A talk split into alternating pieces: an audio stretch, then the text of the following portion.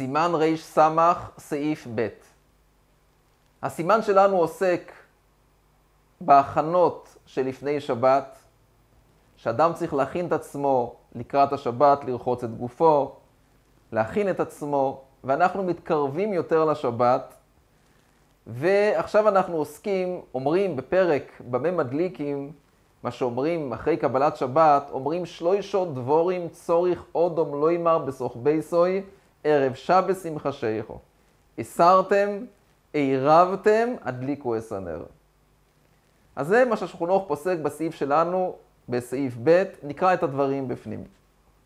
כשיהיה סמוך לחשיכה, ישאל לאנשי ביתו בלשון רכה, הסרתם, עירבתם, הפרשתם חלה, ויאמר להם הדליקו את הנר, ובמקום שאין מעשרים, אין צריך לומר הסרתם. מה כתוב כאן? כשיהיה סמוך לחשיכה. למה דווקא כשיהיה סמוך לחשיכה? המשתבור מסביר כי אם זה חשיכה, כבר אסור לעשות דברים. יש דברים שהם כבר אסורים לעשות בזמן שחשיכה. אז לכן סמוך לחשיכה, ולא כשכבר חשיכה. למה סמוך לחשיכה? למה שלא יגיד להם את זה בעוד היום גדול? התשובה היא, כך מסביר המשתבור, אם הוא יגיד להם בעוד היום גדול, אז הם יחשבו, עוד יש עוד זמן. יש עוד זמן, יש עוד הרבה זמן עד שבת, אפשר לדחות את זה. ובסופו של דבר מה יקרה? ידחו וידחו וידחו עד שבכלל לא יעשו את זה.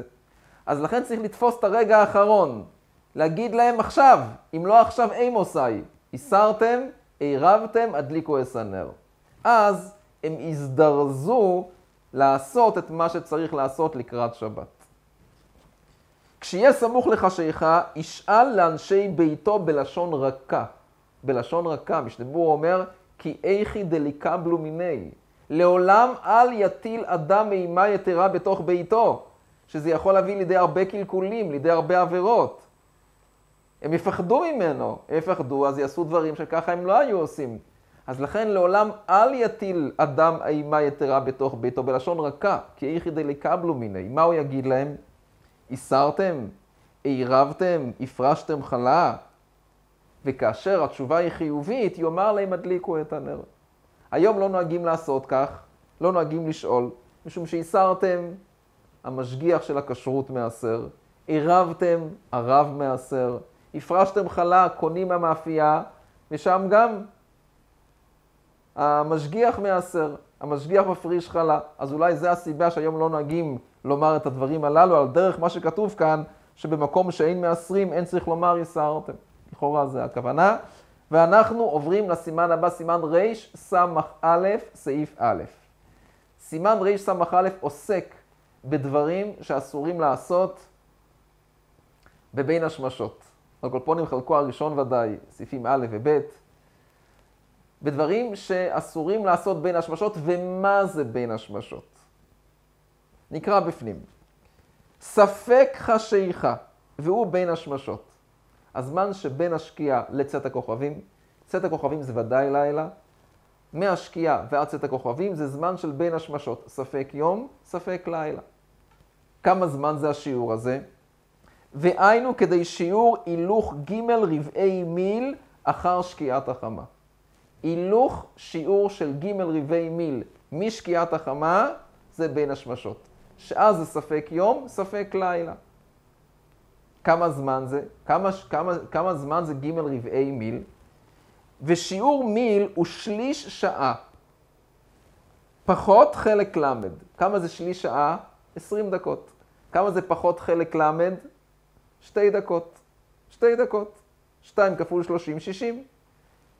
20 דקות פחות 2, כמה זה 18? אז הנה כתוב כאן בסימן רס"א סעיף א', ששיעור בין השמשות זה 18 דקות. זה מה שכתוב כאן.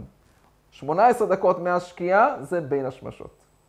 זה לא סוף פסוק, כי יש עוד סימנים לבין השמשות. שלושה כוכבים, הכסיף העליון, אז לכן צריך לקבל את זה בערבון מוגבל, אבל זה מה שכתוב פה. אז מה הדין בספק חשיכה? מה הדין בין השמשות? הדין הוא, אין מעשרין את הוודאי. פירות שהם תבל ודאי, אסור לעשר אותם. גם אם החיוב מעשרות שלהם, מוסיף המשנה ברורה, הוא רק מדרבונון. הדין הוא שאסור לעשר תבל ודאי בין השמשות. אסור. גם אם החיוב שלהם הוא רק מדרבנון. דמאי נלמד בשיעור הבא בעזרת השם שמותר, אבל תבל ודאי אסור. ואין מטבילים את הכלים. מה זה אין מטבילים את הכלים מטומאתם?